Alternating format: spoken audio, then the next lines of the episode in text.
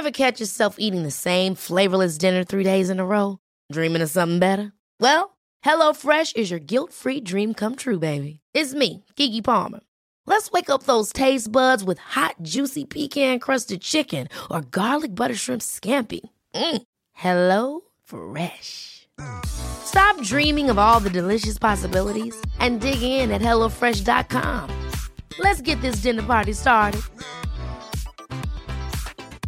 Quality sleep is essential. That's why the Sleep Number Smart Bed is designed for your ever evolving sleep needs. Need a bed that's firmer or softer on either side? Helps you sleep at a comfortable temperature? Sleep Number Smart Beds let you individualize your comfort so you sleep better together. JD Power ranks Sleep Number number 1 in customer satisfaction with mattresses purchased in-store. And now, save 50% on the Sleep Number limited edition Smart Bed for a limited time. For JD Power 2023 award information, visit jdpower.com/awards. Only at a Sleep Number store or sleepnumber.com. Cool fact a crocodile can't stick out its tongue. Also, you can get health insurance for a month or just under a year in some states. United Healthcare short term insurance plans, underwritten by Golden Rule Insurance Company, offer flexible, budget friendly coverage for you. Learn more at uh1.com.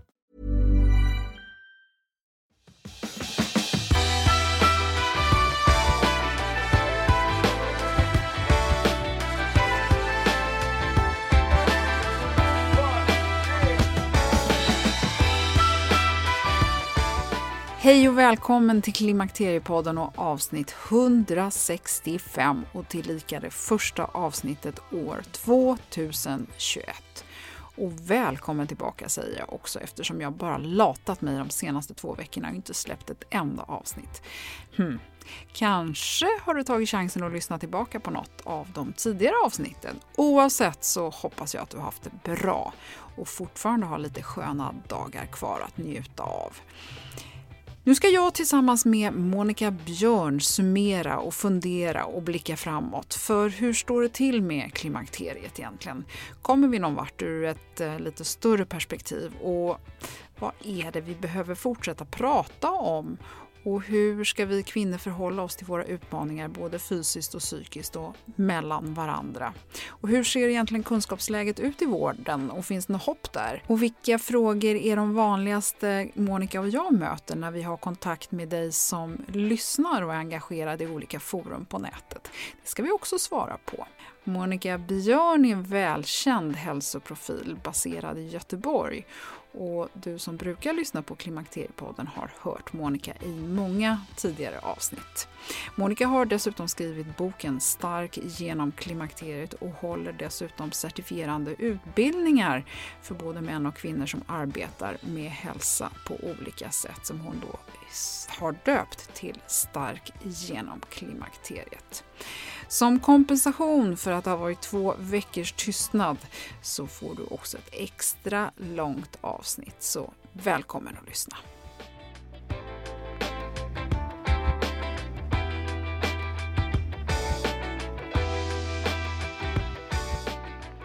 Då Monica Björn så vill jag önska dig varmt och hjärtligt välkommen till Klimakteriepodden och det första avsnittet år 2021. Det är lite ovant att säga ordet 2021. Vad ska vi säga? 21 kanske bara? Ja, jag vet faktiskt inte vad. Det är i alla fall väldigt roligt att vara här och vilken ära att få liksom inleda ja. året första avsnittet. Ja, och jag och tänker att vi ska göra en liten eh, eh, summering och det är ju ingen slump då att jag har med dig Monica, för jag är, tänker så här, först hade jag tänkt att jag skulle göra en egen liten summering av vad som hände 2020 och ur, naturligtvis så blir det ju mycket mitt perspektiv, men lite insikt har jag ju i vad som pågår eh, omkring oss. Men jag tänkte att du är ju väldigt engagerad i klimakteriefrågan och det som rör oss kvinnor i och kring klimakteriet överhuvudtaget. Så du är ju en superlämplig gäst att eh, reda ut det här, Monica. Ja, men tack. Det, vi får väl se var vi landar här med den här summeringen av 2020. Året som de flesta helst vill glömma bort. året som Gud glömde och vi andra vill glömma, kan man säga så? Ja. Du, eh, ja, jag, jag, tänkte bara så här, jag vill att du ska berätta vem du är Monica. Och så kan jag bara lägga till här att du har ju bidragit med värdefull kunskap och pepp kring bland annat träning och livsstil och egna erfarenheter i avsnitten 54, 67, 72, 116 och 134.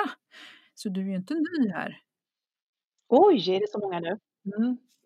Nej, men jag jobbar heltid med eh, träning och eh, hälsa ehm, och brinner för just det här ämnet kvinnohälsa och har väl blivit då de senaste åren lite grann utav en klimakterieaktivist får man väl ändå säga. Jag har då också skrivit en bok som heter Stark genom klimakteriet som kom ut för Hösten 2018, var det inte det? Ja, precis. Så det är helt otroligt att den fyller tre, tre år nu då, 2021. Ja. Um, och ja, jag driver även um, Instagramkontot Stark genom klimakteriet och uh, har även startat en uh, Facebookgrupp som heter Stark genom klimakteriet. Uh, och gör mitt bästa till att hinna ut att få ut så mycket kunskap som möjligt just om, om förklimakteriet, klimakteriet, menopaus till så många kvinnor det bara går och jag hinner och orkar. Um, så att ja, det tar upp, klimakteriet tar helt enkelt upp en hel del av min tid kan man säga. Ja, men och jag tänker så här att det är väldigt spännande för du har ju precis fyllt 50 nu och eh, man kan väl säga att du har varit klimakteriemedveten i över tre år som vi precis hörde. Och vi har ju båda jobbat med det här ungefär lika länge och för egen del så har jag kommit ganska långt med vad det gäller kunskapen på många plan.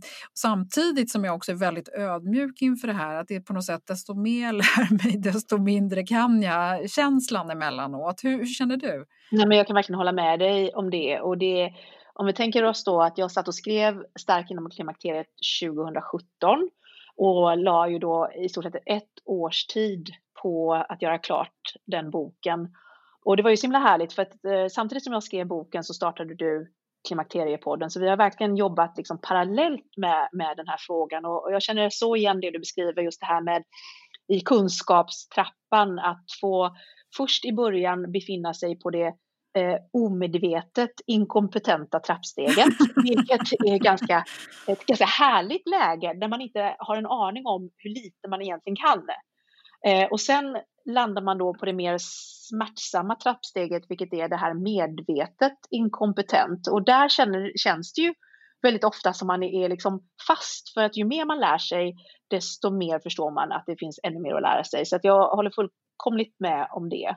Eh, samtidigt så har ju både du och jag haft förmånen att, att eh, prata med väldigt kunniga människor vi läser forskningsartiklar och vi försöker ju då även att utbyta erfarenhet, eh, du och jag, sinsemellan. Och eh, jag måste säga det att ja, det känns som att vi kan fortsätta att lära oss i några år till, eller vad säger du? ja, men absolut. Och jag känner också så här att det som är lite jobbigt med det hela är ju att jag kan tycka att jag har fått sånt bra styr på mitt eget klimakterium under de här åren. Eh, och sen så har jag dessutom lärt mig så mycket så att jag har inte riktigt den här naiva, härliga vetgirigheten som jag hade i början av poddens... Eh, så att liksom ibland så tar jag saker för givet, tror jag. Att jag har lite svårt att liksom komma tillbaka till den här eh, härligt eh, frågvisa eh, vad ska man säga, du vet vad jag menar? Ja. Man, liksom, man, bara, man bara vill ha mer och mer och mer och mer och nu blir det snarare så att jag ibland kan sucka över, men herregud, har man inte lärt sig någonting? Eh, liksom, och den här härliga naiviteten som man kunde ha i början? Är det den du menar? Ja, den det, den, ja och sen så ja. liksom när jag träffar en del andra eller får en del frågor så här ibland så kan man känna att ja, men herregud, det där kan du inte ens det. Och då blir jag så frustrerad över att vi ändå inte har har kommit längre, tänker jag. Mm. För, för, för, det som jag jag tror att många av de här experimenten som jag höll på med ursprungligen och har hållit på med och fortfarande håller på med i ärlighetens namn. Jag delar definitivt inte allt jag pysslar med med alla. Men den största omställningen gjorde ju jag hösten 2018. Då hade jag hållit på med podden ungefär ett år och då insåg jag att herregud, jag gör precis alla fel för att må bra med mina klimakteriebesvär.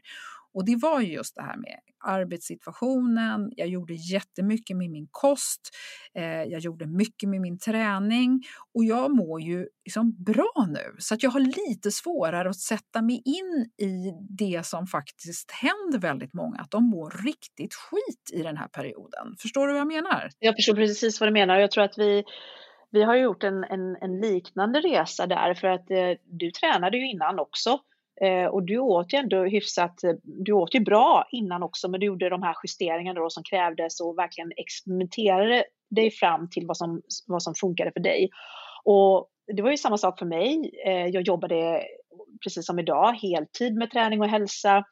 Eh, hade väldigt, väldigt bra vanor och åt bra kost och varierad kost och, och kunde, man skulle kunna tänka sig på pappret så, så gjorde jag egentligen alla rätt och ja. fick ändå så pass svåra klimakteriesymptom så att det påverkade mitt, mitt, mitt liv på, på ett negativt sätt.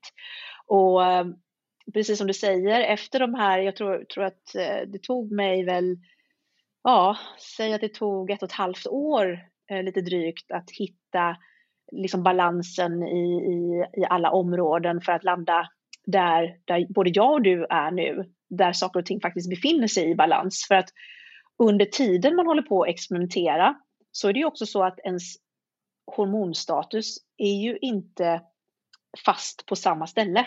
Utan Nej. den förändras ju också. Så att, eh, jag kommer ihåg att vi diskuterade så fort vi lärde känna varandra att ja, men nu har det här funkat, men vet du vad som tillkom nu istället? Ah. Eh, och, och det, det tycker jag är viktigt för, för kvinnor som lyssnar på podden att, att, att förstå det att det är, inget, det, det, det är inte ett statiskt läge. Nej. Utan du kommer under flera omgångar med största sannolikhet eh, hitta ett läge som fungerar och sen tillkommer det ett symptom. Ett annat symptom som har liksom varit lugnt ett tag återkommer med fördubblad styrka. Eh, så att man liksom är mentalt beredd på det och inte liksom släpper taget utan fortsätt på det spåret du har slått in på. Gör små förändringar och förvänta dig inte att de förändringarna kanske ger, ger eh, utslag direkt utan att man även har uthålligheten i det. Men sen så tycker jag också i det där att Ibland så gör man ju förändringar som är ganska jobbiga, både fysiskt och mentalt. Och då är det ju lätt att tänka att ah, det funkar inte, så ger man det lite för kort tid. Och det är väl lite det här klassiska, att vi gillar ju saker som har snabb effekt. Och det är ju väldigt mycket av det här som inte har det. Och sen så precis där som du nämnde nu, att det svänger upp och ner och fram och tillbaka och hit och dit. Jag är ju garanterat i en mycket, mycket lugnare fas nu, eh, rent alltså hormonellt. Och det är ju en dröm jämfört med de här stormigaste förklimakterieåren som framförallt för min del var pådrivna av alldeles för ohälsosam stress på, eh, på många plan. Det kan jag ju ärligt erkänna.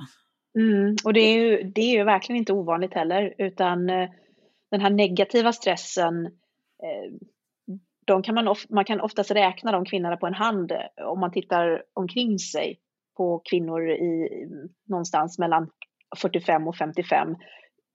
Hur få kvinnor man känner som inte har den typen utav långvarig och, och påtaglig stress i sitt, i sitt liv. Nej, men och sen blir man också stressad av att man inte mår bra. Att man säger så här, fasen men jag har ju sovit varje kväll, jag har varit duktig, jag har inte hållit på med dittan och jag har tränat, jag har ätit bra, jag har inte druckit vin och bla bla bla. Och så ändå funkar det inte. Man blir ju så irriterat förbannad av att det inte funkar liksom. Ja. Eh, när man tycker att man gör alla rätt. Och det är också den här insikten i att har man har man haft turen och haft en, en väl fungerande menscykel under sina fertila år och där mensen har kommit liksom som en klocka och man kanske inte har lidit av speciellt jättesvår PMS, då blir det ju en extra kanske stor chock till hur det kan bli sånt otroligt kaos. Och, och nu gör jag krokar i luften, bara eh, på grund utav eh, hormoner. Ah. Och, och, och, det var ju en del av min frustration, absolut, kring att man skulle bli så pass gammal som liksom över 45 år, års ålder eh, innan man förstod absolut hur mycket hormonerna kunde ställa till, kunde ställa till det för en. Mm, mm. Du Monica, jag är väldigt fascinerad av en sak och det är ju så här att om man tittar på hur befolkningen ser ut i Sverige så är det så att vi är ungefär mellan 50 och 60 000 kvinnor i varje årskull. Så att de som är födda 66 som jag är, är då, eh, vi är eh, ungefär 60 000 stycken och de som är eh, födda 70 som du, ni är också lika många. Och buntar man ihop det här eh, kvinnogänget så är vi ju en kopiös mängd som befinner oss någonstans i det här landet mellan ja, men 45 och 55 som ju för de flesta är det skakigaste. Sen är det jättemånga som upplever symptom mycket, mycket längre än så. Men, men det skakiga brukar ju vara för de flesta runt den här tiden. Och jag är oerhört fascinerad över att det inte är fler som verkar intressera sig för klimakteriet eller för sin egen hälsa. För vi vet att ungefär 70 procent av alla kvinnor upplever så pass mycket besvär att de upplever att det påverkar deras vardag. Och det här är ingen liksom hyschig statistik eller någon, någonting som är, är, är skämmigt att prata om, så att säga, utan så är det. Och då ovanpå hela den faktan så har du då Socialstyrelsen som har eh, tack eh, vare regeringens uppdrag gjort en första liten undersökning. Och där har det framkommit att totalt av alla de här kvinnorna så är det 7% som tar någon form av hormonbehandling eh, och 10% som tar det man kallar för, för eh, lågpotenta eh, hormonbehandlingar, det vill säga bara för underlivet. Och det som vi kallar för systemisk hormonbehandling, det är då medelpotenta, medan p-piller till exempel, det klassas som högpotenta. Och det här tycker jag är väldigt fascinerande med om man liksom tittar på hela eh, alltså om jag då eh, en bra vecka har ungefär 17 000 lyssnare på Klimakteriepodden och du har i ditt forum, eh, hur många är det i de olika forumen? Det är x antal kvinnor, eller hur? Ja, de är nog 1500 i gruppen nu tror jag i den här nystartade Stark inom klimakteriegruppen på Facebook. Och så finns det då lite andra forum på nätet. Ja. Och det är så här, men det är ju väldigt, väldigt få som intresserar sig för det här. Och jag upplever att det är lite samma kvinnor också som dyker upp i många olika kanaler så att säga. Mm. Eh, vad, vad, är, vad är det här liksom? Var, varför, hur är intresset kring klimakteriet egentligen tror du? Ja, jag tror att vi båda kan hålla med om att det borde vara större. Ja. Och eh, om vi, jag vill bara lite snabbt backa tillbaks bandet där kring den här statistiken kring eh, 70 eller 75 procent, lite olika siffror beroende på liksom vilka undersökningar man läser på kvinnor som får då symptom av att de är i klimakteriet och att det påverkar deras, deras liv. Jag är helt övertygad om att den siffran skulle vara högre om det var så att vi i Sverige, och när jag säger vi i Sverige då pratar jag liksom lä läkar läkarkåren och gynekologer eh, erkände även de psykologiska symptomen som klimakteriesymptom. För, för som det ser ut idag så pratar man om värmevallningar och svettningar och man pratar om torra och sköra slemhinnor. Och, och, och, det är ju besvärande i sig på olika sätt och vi vet att värmevallningarna och svettningarna påverkar sömnen och dålig sömn påverkar så många andra olika delar utav livet. Men vi vet också att, att kvinnor lider otroligt mycket av de här humörsvängningarna, utav, utav de, den kognitiva påverkan, hjärndimman, man tappar minnet, man, man, man har både svårt att komma ihåg saker och man har svårt att hålla koncentrationen längre eh, och så vidare och så vidare när det gäller liksom de psykologiska symptomen. Så att hade de psykologiska symptomen fått finnas med i de här undersökningarna så är jag övertygad om att den siffran under 70 75 procent underrepresenterar antalet kvinnor som har eh, vad ska vi säga, symptom som påverkar livskvaliteten under klimakterieåren. Och det i sig då gör ju att man undrar ju ännu mer, hur går det här ihop? Är det för att vi kvinnor är sådana olympiska världsmästare på att bita ihop? Är det för att kunskapsnivån kring klimakteriet är så låg, för jag behöver bara tänka till mig själv. Jag kunde i stort sett ingenting om klimakteriet när jag hamnade där själv i förklimakteriet. Nej, men vi är ju två. Jag visste ju inte ens vad det var för någonting. är det för att kunskapsnivån är så låg att man delvis tror att det kommer antagligen inte hända mig så, så, så värst farligt eh, för att eh, jag äter bra och tränar bra och tar hand om mig själv. Eller är det för att man tror att det kommer kanske hända mig men jag kommer vara så himla gammal då och det kommer ju inte vara nu utan det kommer vara i någon x antal år avlägsen framtid. Eller är det för eh, att man sticker huvudet i sanden och tänker att eh, eh jag dealar med det sen. jag vet inte.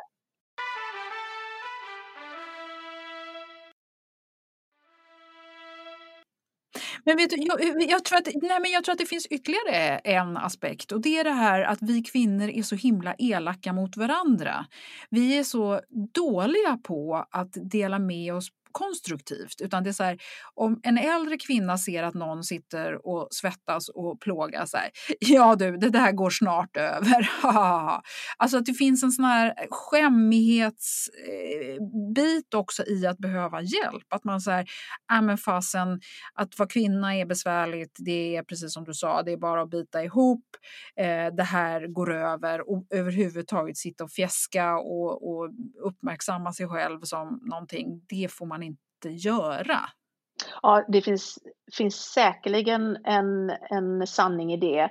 Eh, för, för vad jag kan skönja är ju att det finns ju delvis då eh, kvinnor där ute som är väldigt, väldigt rädda till exempel för hormonbehandling och man liksom köper blint rakt av det här som skrivs i media att eh, hormonbehandling ger bröstcancer trots att det finns väldigt mycket bra information där ute och du har tagit upp det i mängder med bra poddavsnitt eh, där eh, ni har pratat om just den här lilla, väldigt lilla, lilla risken med hormonbehandling och så vidare. Det finns ju mm. den, den eh, kvinnor, gruppen av kvinnor då som liksom har skräck för hormoner. Men sen tycker jag mig också skönja en annan grupp av kvinnor och det är de som ser det eh, som någonting man vill lyfta fram. Att jag kommer att klara mig, eller jag ska klara mig på naturlig väg att ta mig igenom det här. Så, och, och, att det då är lite mer upphöjt över alternativet att ta hormonbehandling, som att det är lite bättre än att ta hormoner. Och det, jag känner igen det lite grann just ifrån den här konversationen kring hur eh, man ibland stöter på kvinnor som vill förhöja det här att det är lite bättre eh, att, att föda naturligt. Och med naturligt menar jag då utan lustgas eller utan epidural eller, eller utan någon typ av utav smärtstillande. Och jag vet faktiskt inte, det kan man ju liksom bara spekulera i var den typen av inställning kommer ifrån. Men jag brukar lite halvt skämtsamt säga att jag kallar det för dyster, dysterskapet istället för systerskapet. ja, men det tycker jag var ett bra ord, dysterskapet. Ja. Det är inte så här att det ska väl vara upp till individen att kunna ta ett, ett beslut som är bra för henne så länge det alternativet är byggt på, på kunskap och, och, och, i alla fall vetenskap och att vi kan istället då dela med oss av de olika alternativen som finns och sen, sen kan vi hylla varandra för oavsett om man vill liksom inte ta hormoner eller om man vill ta hormoner och det ena är inte bättre än det andra. Nej. Men du, om man ser liksom det här intresset kring klimakteriet eller icke-intresset, är det fortfarande så att vi helt enkelt inte Eh, pratar tillräckligt mycket om det. För att en del tycker vi har pratat klart. Det tycker jag man, framförallt efter att tv sände den här, de här programmen Klimakteriet, det ska hända dig med. Då, då var det på något sätt så här, ja ja, men är det inte lite mycket nu? Det var ju flera i media tycker jag som sa det. Kan vi inte lägga ner det här nu? Kan vi inte sluta tjata om det liksom? Och, ja, och det, det intressanta med det kan jag tycka, det är ju att de de, för det är oftast kvinnor faktiskt som, som jag ser säger de kommentarerna. Det, det är väldigt, väldigt sällan, om, om nästan aldrig, som jag ser en man fälla den kommentaren. Utan, utan det är andra kvinnor och eh, det är faktiskt inte så att en enda av de kvinnorna som jag har stött på som har slängt ur sig en sån kommentar har, hon har antingen inte varit, hon befinner sig inte i klimakteriet än, eller hon är förbi klimakteriet och hon eh, tillhörde då någon av de här få procenten som i stort sett inte fick några symptom överhuvudtaget. Och då är det ju verkligen så här, ja men lätt för dig att säga, som antingen inte har upplevt det eller gled igenom klimakteriet på, på en räkmacka. Och jag tycker liksom, eh, vi, vi, tyck, vi har ju samma uppfattning där du och jag, att uppfattningen är att det är en väldigt liten klick som, som har uppmärksammat frågan hittills. Vi vet att det är mellan 900 000 och en miljon kvinnor som befinner sig i klimakteriet samtidigt. Självklart behöver vi fortsätta att prata om det här. Självklart behöver vi fortsätta att sprida kunskapen till så många vi bara både hinner och, och orkar. För annars så är det, och jag brukar säga det på mina eh, stark genom klimakteriet certifieringar till de coacherna som jag utbildar för att verkligen hinna och sprida budskapet till, till ännu fler. Det är ju att om inte vi sprider budskapet, du med podden och jag med mina utbildningar, så kommer det ju vara så här att de som är unga nu, de som är runt 20-årsåldern nu, de kommer ju sitta där om 20 till 25 år eh, och lyssna på någon annan föreläsning, någon annan eh, poddmänniska eller hur man nu kommunicerar om 20 år mm. som försöker sprida samma med, eh, liksom kunskap som vi gör nu. Och så ska det inte behöva vara. Men, men jag upplever ändå att det finns ett mycket större intresse eh, bland de yngre kvinnorna. Jag tycker att alltså jag får mycket eh, mejl och meddelanden från kvinnor som är ganska tidigt och till och med lite innan för att de vill upplysa sig. Så att jag tänker så här att kanske löser det här sig eh, med nästa generation. Vi får verkligen, verkligen hoppas det. Och vi får verkligen hoppas att, att de kvinnorna som, som, som uh, skaffar sig kunskapen nu också är väldigt duktiga. Vi hoppas att de är väldigt duktiga på att sprida kunskapen vidare till till sina döttrar. Mm. För jag tycker också att då, då kommer vi in på det här med förvirringen om var man är. Kan jag tänka så här lite ibland, finns det en risk att man går runt och funderar och känner efter och börjar använda klimakteriet som någon form av ursäkt eller någon form av eh, alltså symptom på nästan vad som helst. Förstår jag? Vet, mm, liksom, ja, jag förstår hur du menar. Jag, menar. jag tror att det är en del av kunskapsfrågan och det är viktigt att få ut till kvinnor i 30-årsåldern att även väldigt hög stressgrad under längre tid kan leda till oregelbunden mens. Eh, kan då leda till att, och när mensen blir oregelbunden så stör det hormonbalansen, vilket då ofta gör att eh, kvinnorna i 30-årsåldern också kan hamna i ett läge där de då är eh, vad som kallas för östrogendominanta. Och, och producerar man då inte tillräckligt mycket gulkroppshormon då kommer de symptomen på posten som väldigt mycket är identiska med det som händer med kvinnor i förklimakteriet. Men den hormonobalansen då som sker de flesta kvinnor i 30-årsåldern beror på stress. Det beror inte på eh, mm. att, att deras ägg eh, börjar bli eh, gamla. Den, stör, den hormonella störningen kommer utifrån en annan anledning. Ehm, och, och, det är ju många kvinnor i 30-årsåldern som, som upplever detta för man är mitt i karriären, man kanske har fött ett, två eller tre barn. Ja, eller så är man precis i den här situationen att det funkar inte att bli gravid för att man helt enkelt har stökat till det oavsett så är det, det är otroligt stressiga år, just det här 30 till 40 års åldern. Eh, så att igen, jag skulle vilja säga mm. att eh, mer kunskap ut också om vad som kan rubba en, vad ska vi säga, en normal eh, menscykel hos en fortfarande fertil kvinna så att hon kan känna igen de symptomen. Men oavsett om vi pratar kvinnor i 30-årsåldern eller om vi pratar kvinnor i 40 eller 50-årsåldern så, så är det ju någonting som du och jag har pratat om vid många tillfällen, Åsa, att kvinnor överlag behöver bli mycket, mycket bättre på att lära känna sina egna kroppar. Mm. Och sen framförallt vara lite snällare mot sig själv. För jag tycker att vi är lite för tuffa hela tiden. Att vi ska bara leverera, leverera, leverera. Vi ska vara alltså på något sätt lite så maskinellt nästan. Det, är, det funkar inte. Och det kanske funkade. Jag tror att de flesta kommer ihåg de här åren när man kunde ha sovit tre timmar och varit ute och festat hela natten och ändå gå till jobbet och vara dessutom fräsch mm, De här åren fram till 25 liksom. menar du? Det, det, ja, att, att bara sen driva på och driva på och driva på och driva på, det, det går ju inte. Det har vi ju pratat om hur Nej, mycket precis. som helst. Men eh, jag tänker att vi skulle ta upp några frågor som jag tycker är spännande som många mm, för att om vi bestämmer oss för, Monica, att vi tycker att det är mer positivt och lättare att prata om klimakteriet generellt. Det lilla har vi väl lyckats ja, åstadkomma det tycker jag. ändå, har vi inte det? Det håller jag med om. Ja, då, då ja. säger vi tick och box på det, eller vad heter det? Check och bock på det.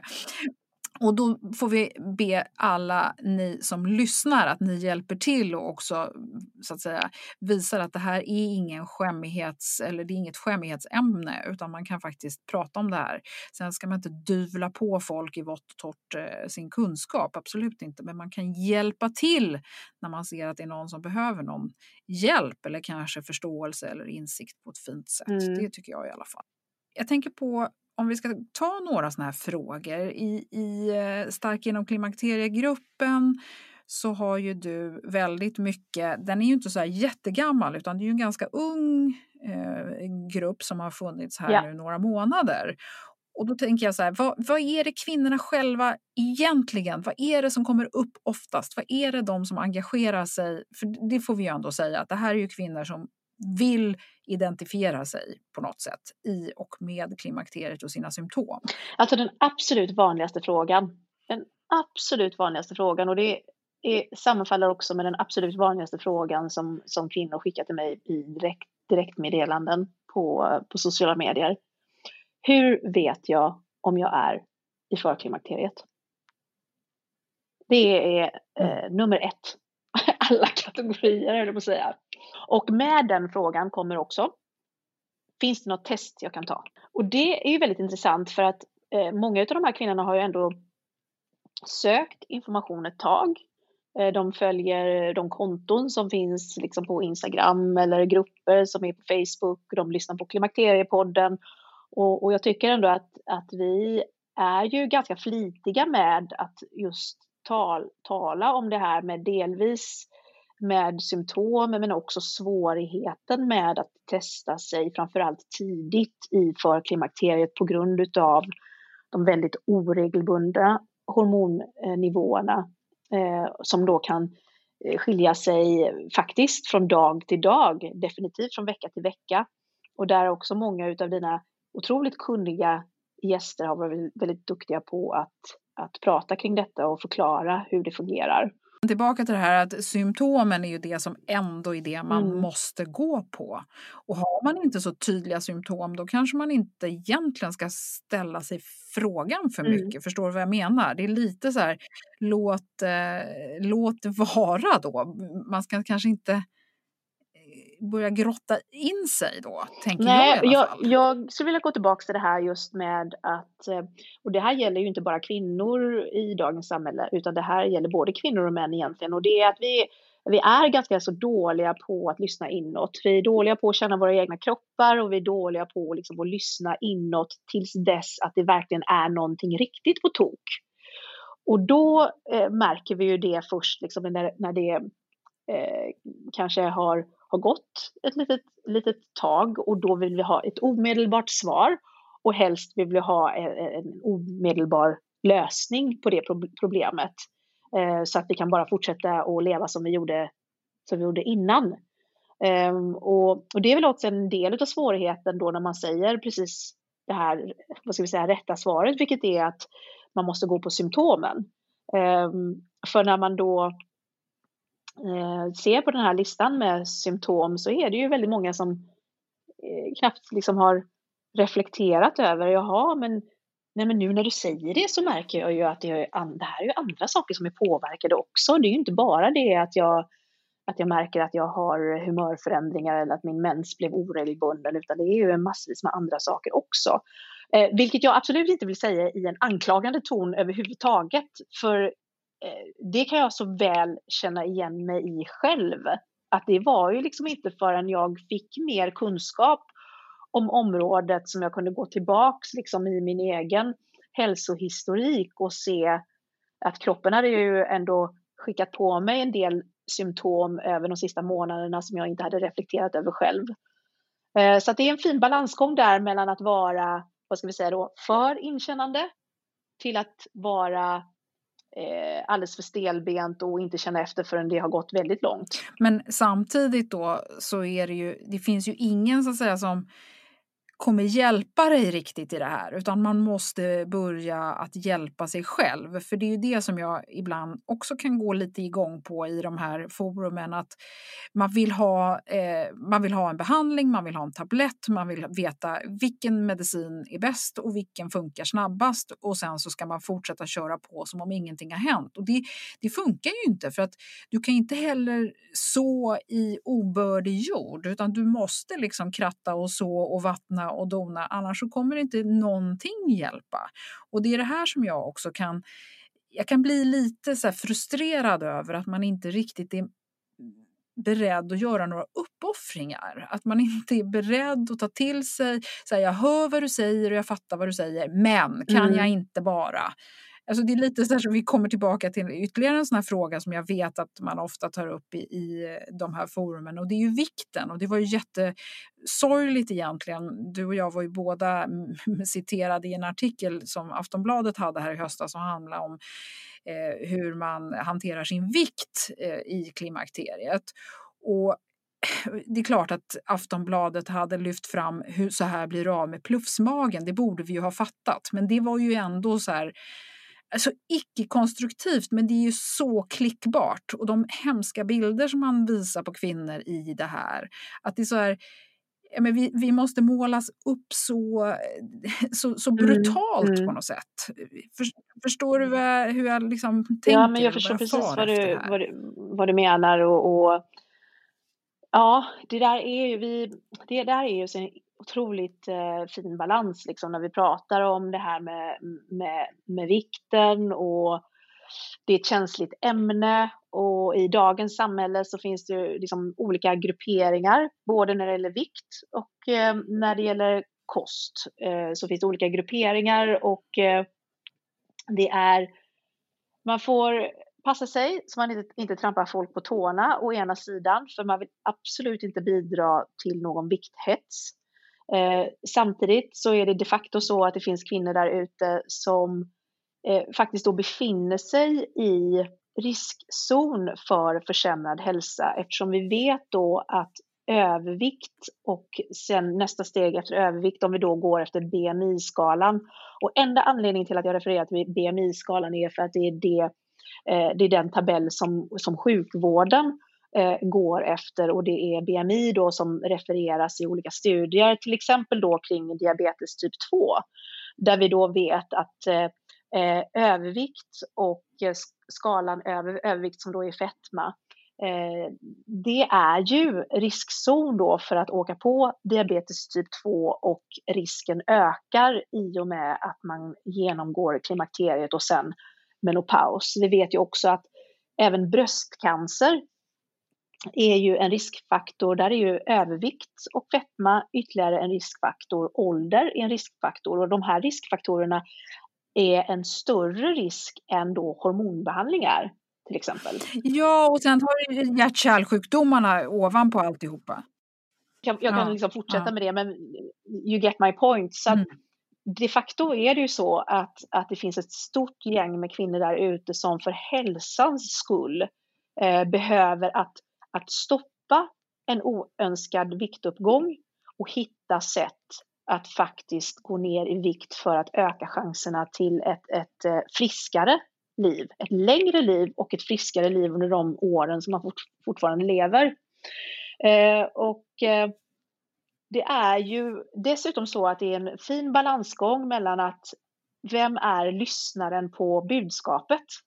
För om det är en kvinna där ute som, som, som lyssnar på budskapet som kanske har en, det, det är en helt annan lösning för en kvinna som kanske har tre till sju, åtta kilos viktnedgång gentemot en kvinna som sitter och lyssnar som kanske har en 25 kilo, 30 kilos viktnedgång.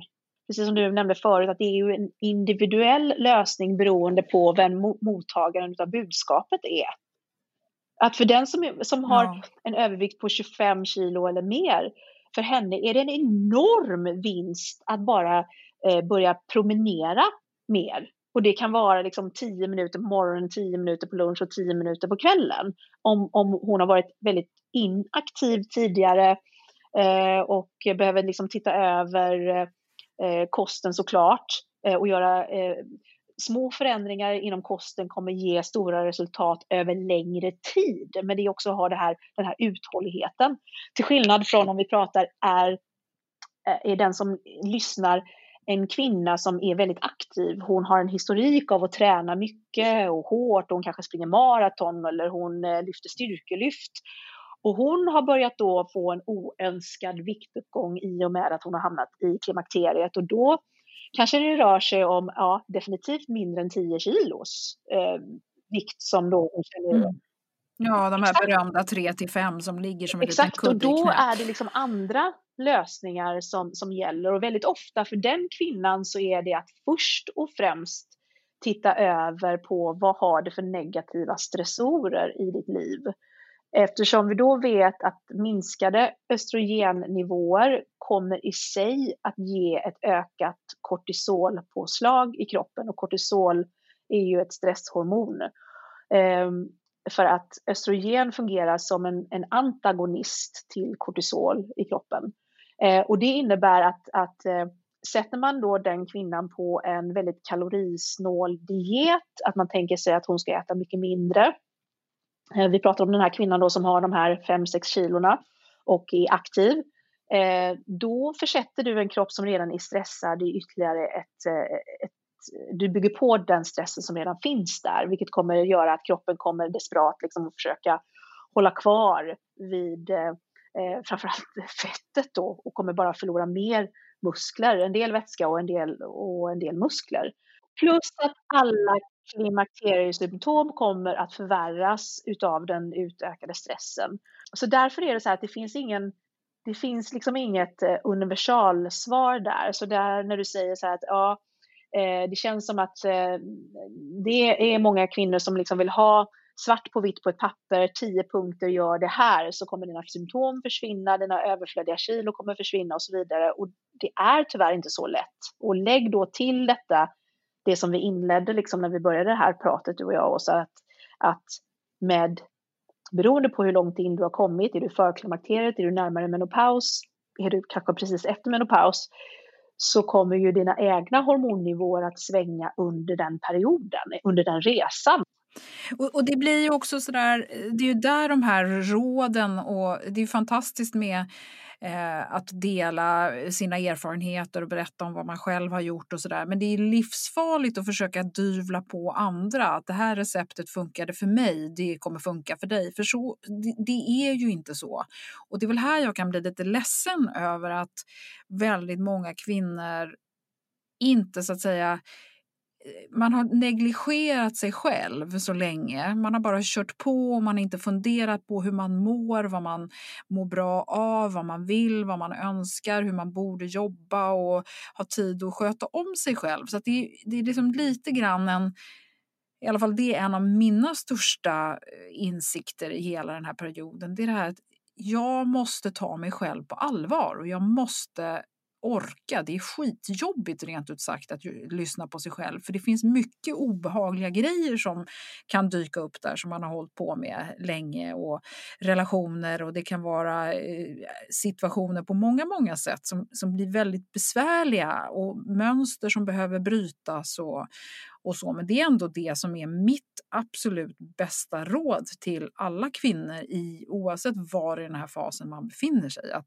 liksom verkligen våga syna sig själv och, allt man håller på med. Och, och, och, försöka ta ett kliv bort från att kika på de här kanske eh, pluffsmagen då i första hand utan försöka se det lite större. Absolut, för tänker vi oss då att, att man är runt 50 där man har levt lite drygt då för de flesta halva, halva sitt liv. Vilken period i livet är bättre än att göra den rannsakan ändå?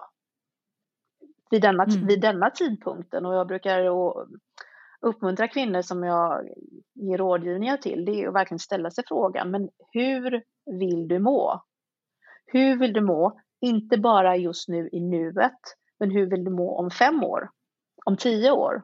Om 20 år? Och om du har liksom turen att leva i 30-35 år till, hur vill du må då? För att det är ju en sak liksom att leva till medellivslängden runt 84 år, men hur kommer din hälsa vara de där sista åren? Och det vet vi ju då att, att kvinnor lever fortfarande längre än män, men kvinnors hälsa är sämre de sista åren och kvinnor behöver också ta mer läkemedel de sista åren än, än vad männen behöver göra. Eh, och eh, det finns massvis med intressant forskning nu då, både då kring östrogenets roll i hjärt och kärlsjukdom, kring eh, demens, eh, forskning kring Alzheimers och så vidare och så vidare. Så att allt det vi bestäm, kommer fram till och de förändringarna som vi gör i, kring åren runt 50, det är delvis för att vi ska må bättre då, men det är också för att det är den här fantastiska möjligheten vi har att lägga en, en, en stabil och fin grund för de förhoppningsvis då 30, 35, 40 åren som vi kanske då förhoppningsvis har kvar. Det gäller att inte tänka att det är för sent, för att det är verkligen inte det. För det finns ingen tid i livet som, som det är för sent att göra någonting för sig själv. För det tycker jag är superviktigt. Nu har vi redan nästan börjat komma in på det, men Monica, om du ska ge några såna råd och tips, dina värdefullaste som du kan dela med dig av inför det här året, som inte bara är dina självupplevda utan sånt som du så att säga, kan veta att många mår bra av, inte bara du själv. Förstår du vad jag menar? Har du lust att dela med dig av några såna här? Ja, jag skulle definitivt börja med den då. Hur vill du må? Att ställa sig den frågan. Och då menar jag verkligen både fysiskt men även psykiskt. Alltså hur kan du stärka din fysiska och din psykiska hälsa och välmående, både där du är nu men också i år framöver. Och precis som du säger då, vara väl medveten om det att det är aldrig för sent att börja, börja se om sitt hus. Och i, i det, eh, med de frågorna så kommer också de här, eh, precis som du nämnde tidigare, kanske större existentiella frågorna. Eh, trivs jag på mitt jobb? Trivs jag i min relation? Vad vill jag ha tid till? Vad är viktigt i mitt liv? Vilka människor är viktiga i mitt liv? Eh, vad behöver jag för att må bra? Vad mår jag bra av och vad mår jag mindre bra utav? Och vilka val kan jag då göra för att, för att närma mig att må så bra som möjligt? Ja, men jag håller med dig Monica på alla sätt och jag jag skulle faktiskt vilja uppmana till att våga säga nej. Att eh, sluta vara så himla följsam. Eh, jag var så otroligt arg eh, i, eh, under några år och, eh, och det berodde nog på att jag helt enkelt gjorde för mycket som sa ifrån. Men som, eller, e-, egentligen så ville jag inte, men jag, jag kunde inte säga nej och jag hörde på mig själv, jag nästlade in mig en massa ursäkter för varför jag inte kunde och, och så slutade det med att jag i alla fall gjorde det. Så att jag skulle säga så här, våga säga nej utan att förklara, utan bara så här, ah, men känns det inte bra, men gör det inte då. Och, och, våga säga det till omgivningen. Nej, men jag kanske inte kan förklara varför exakt, men jag kan inte hänga med eller det passar inte just nu eller så. Det, för det är ett led i att börja lyssna inåt. Och där måste man faktiskt också våga tänka så här. Det jag gör, är det ärligt talat någonting som gynnar mig eller är det någonting som till och med faktiskt missgynnar både min hälsa, mitt mående fysiskt och psykiskt. Så jag tycker att vi ska liksom bli bättre på att våga känna efter på, på ett konstruktivt sätt. Det är inte så att man ska vakna varje morgon som det har varit lite grann 2020 och det är fortsatt en stund till med det här att man funderar hela tiden när man har corona varje morgon. Alltså liksom, hur mår jag? Men jag tänker lite djupare än så, att man faktiskt börjar fundera på hur man mår i huvudet och försöker göra eh, lite mer åt det och sluta fixera sig vid de här yttre eh, grejerna. Och, och, på så sätt så kanske man också kan hitta var vilken typ av hjälp man skulle behöva utan att eh, för den sakens skull tro att någon annan kommer lösa någonting för dig så kommer du i alla fall kanske eh, lyckas reda ut vad är det som jag behöver ta tag i? Vad är det egentligen som är prio nummer ett i mitt liv och mitt mående på, på liksom ett större plan? Det skulle jag vilja skicka ut. Superbra tips. Monica, du har ju fler kloka saker. Ja, men jag tänker också så här till kvinnor där ute att verkligen vara intresserade utav kroppens funktion.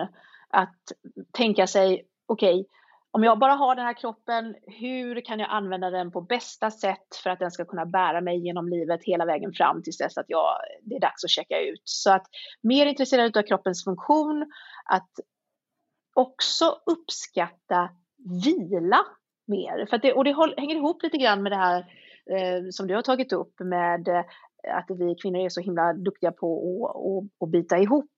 Eh, ibland är vi jäkligt dåliga på att eh, unna oss vila och återhämtning. Det går dock väldigt sammanlänkat ihop hand i hand med disciplin.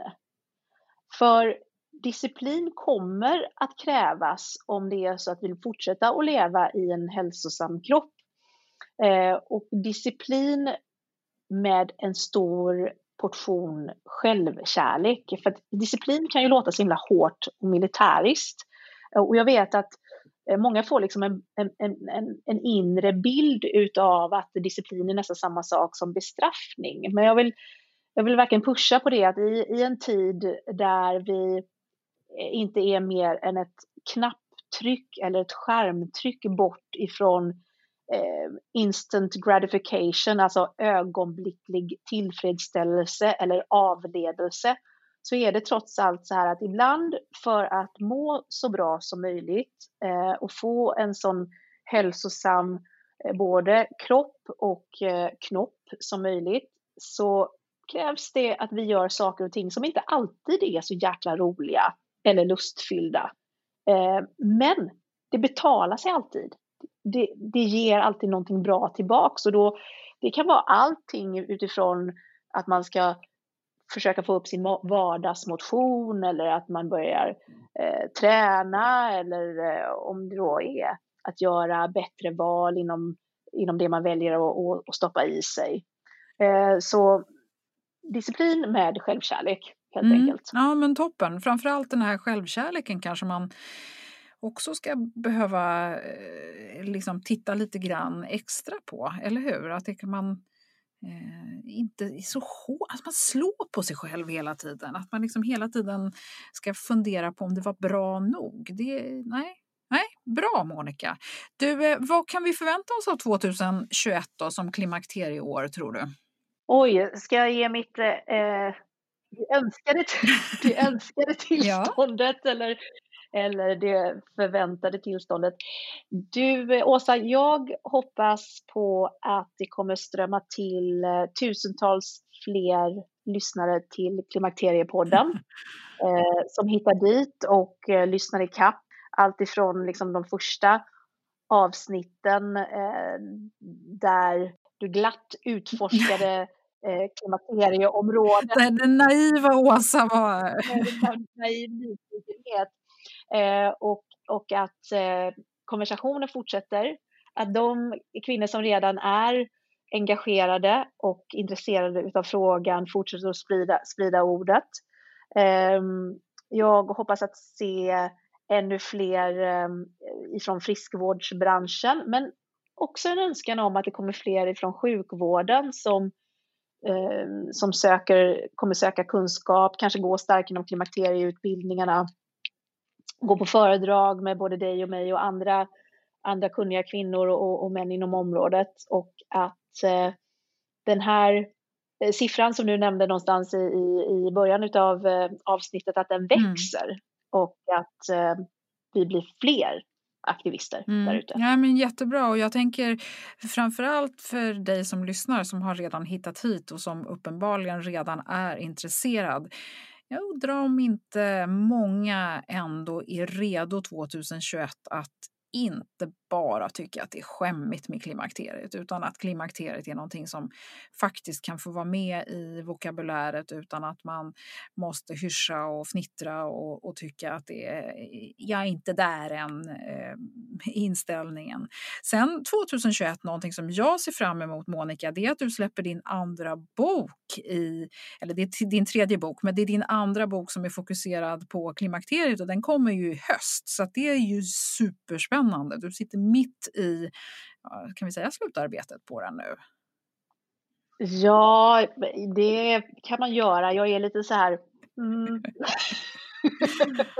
jag eh, önskar att jag kunde prata mer om den, eh, men det kommer en tid när jag får göra det också. Eh, just nu kan jag inte göra mer än att Mm. bekräfta det. Nej, men det är bra och jag ser fram emot att få vara en av de första som får läsa den innan den har kommit ut. Och Det Ja. kommer det bli. Och eh, dessutom så är jag väldigt glad för att SFOG, det vill säga Sveriges förening för obstetrik och gynekologi, återigen håller på att uppdatera sina riktlinjer när det gäller hormonbehandling. För vi kan inte få nog av det.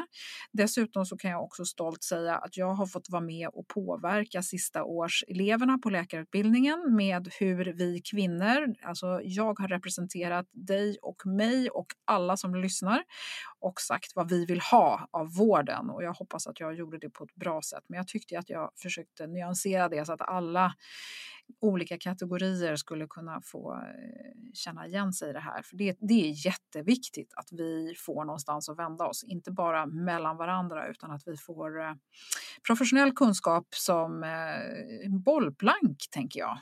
Äntligen, säger jag. För det är ju definitivt en av mina brinnande punkter som aktivist. Det är att få in mer kunskap på läkarprogrammet. Så, så tack för det, Åsa. Ja, det är, inte, det är inte jag som hittade på det, men vi får väl hoppas att jag skötte mig tillräckligt bra för att jag ska få komma tillbaka. Sen är vi ju många också som eh, har fått vara med i Socialstyrelsens arbete.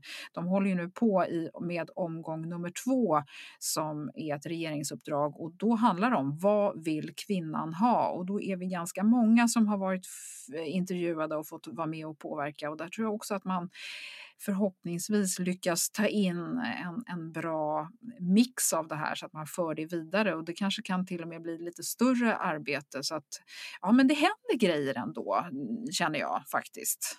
Ja, nu. Det blir vårt Ja. år. Klimakterieaktivistens Då år. kör vi på det.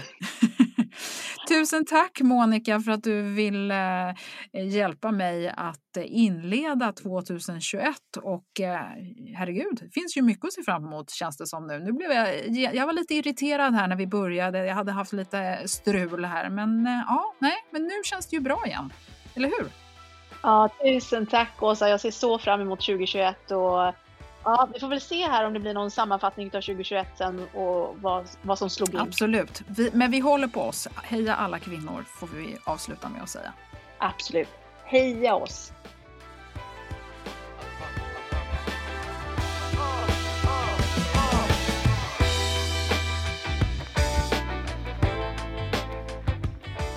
Ja, tack säger jag. Eh, det har varit kul att få dela de här tankarna, det måste jag säga. Hoppas att du har uppskattat det här avsnittet. Och vill du ha mer av kunniga och kloka Monica Björn så kika på avsnitten 54, 67, 72, 116 och 134. Dessutom så kan du gärna söka upp henne på Instagram om du vill se mer av henne och framförallt ta del av det hon delar med sig när det gäller kunskap. Vill du komma i kontakt med mig, Åsa Melin, så ska du söka upp Klimakteriepodden på Facebook eller Instagram eller via klimakteriepodden.se. Jag är så jättepeppad på att köra vidare nu och vill gärna höra vad du vill höra mer om eller om jag missat något ämne. I nästa avsnitt så ska vi få höra Ellen Engvall Hon är barnmorska som arbetar med hormonbalans på olika sätt. Och hon kan en hel del om många saker som rör oss kvinnor 40 plus. Och Ellen ska berätta om något som många kikar på den här tiden på året, nämligen detox. Och kanske blir du lite förvånad när du får höra hur hon tänker. Så välkommen att lyssna snart igen och tack för nu. Hej då!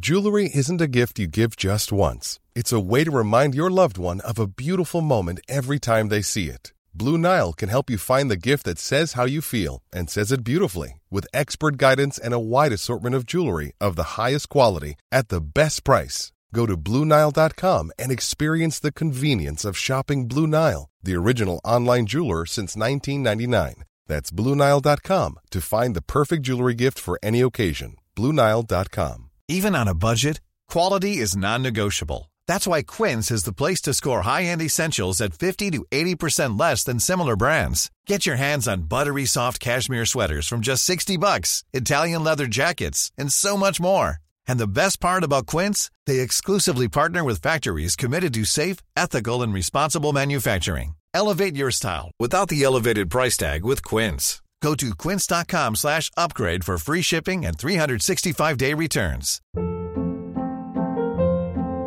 Hold up. What was that? Boring. No flavor. That was as bad as those leftovers you ate all week. Kiki Palmer here, and it's time to say hello to something fresh and guilt-free. Hello Fresh. Jazz up dinner with pecan-crusted chicken or garlic butter shrimp scampi. Now that's music to my mouth. Hello Fresh. Let's get this dinner party started. Discover all the delicious possibilities at hellofresh.com.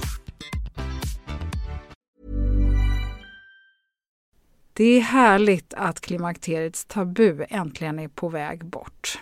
Vill man försöka klara sig utan hormonbehandling så finns nu många nya kosttillskott som lovar bland annat hormonell balans och som ska stötta brister. Jag vill lyfta min räddare i nöden, Femarel. Det har inte bara varit min utan många andra kvinnors räddning i över 20 år. Och med lång tid på marknaden, med nöjda användare, dessutom med 20 forskningsstudier så vågar jag säga att det kan vara en god idé att prova Femarel. Femarel finns på apoteken och i hälsokostbutiker. Tack Femarel som varit min samarbetspartner i många år. Even on a budget, quality is non-negotiable. That's why Quince is the place to score high-end essentials at 50 to 80% less than similar brands. Get your hands on buttery soft cashmere sweaters from just 60 bucks, Italian leather jackets, and so much more. And the best part about Quince, they exclusively partner with factories committed to safe, ethical, and responsible manufacturing. Elevate your style without the elevated price tag with Quince. Go to quince.com slash upgrade for free shipping and 365-day returns. Hi, I'm Daniel, founder of Pretty Litter. Did you know cats tend to hide symptoms of sickness and pain? I learned this the hard way after losing my cat, Gingy. So I created Pretty Litter, a health monitoring litter that helps detect early signs of illness by changing colors, saving you money and potentially your cat's life. Pretty Litter is veterinarian developed, and it's the easiest way to keep tabs on your fur baby's health right at home. Go to prettylitter.com and use code ACAST for 20% off your first order and a free cat toy. Terms and conditions apply. See site for details. Imagine the softest sheets you've ever felt. Now imagine them getting even softer over time. That's what you'll feel with Bowl and Branch's organic cotton sheets. In a recent customer survey, 96% replied that Bowl and Branch sheets get softer with every wash. Start getting your best night's sleep in these sheets that get softer and softer for years to come. Try their sheets with a 30-night guarantee. Plus, get 15% off your first order at bowlandbranch.com. Code BUTTERY. Exclusions apply. See site for details.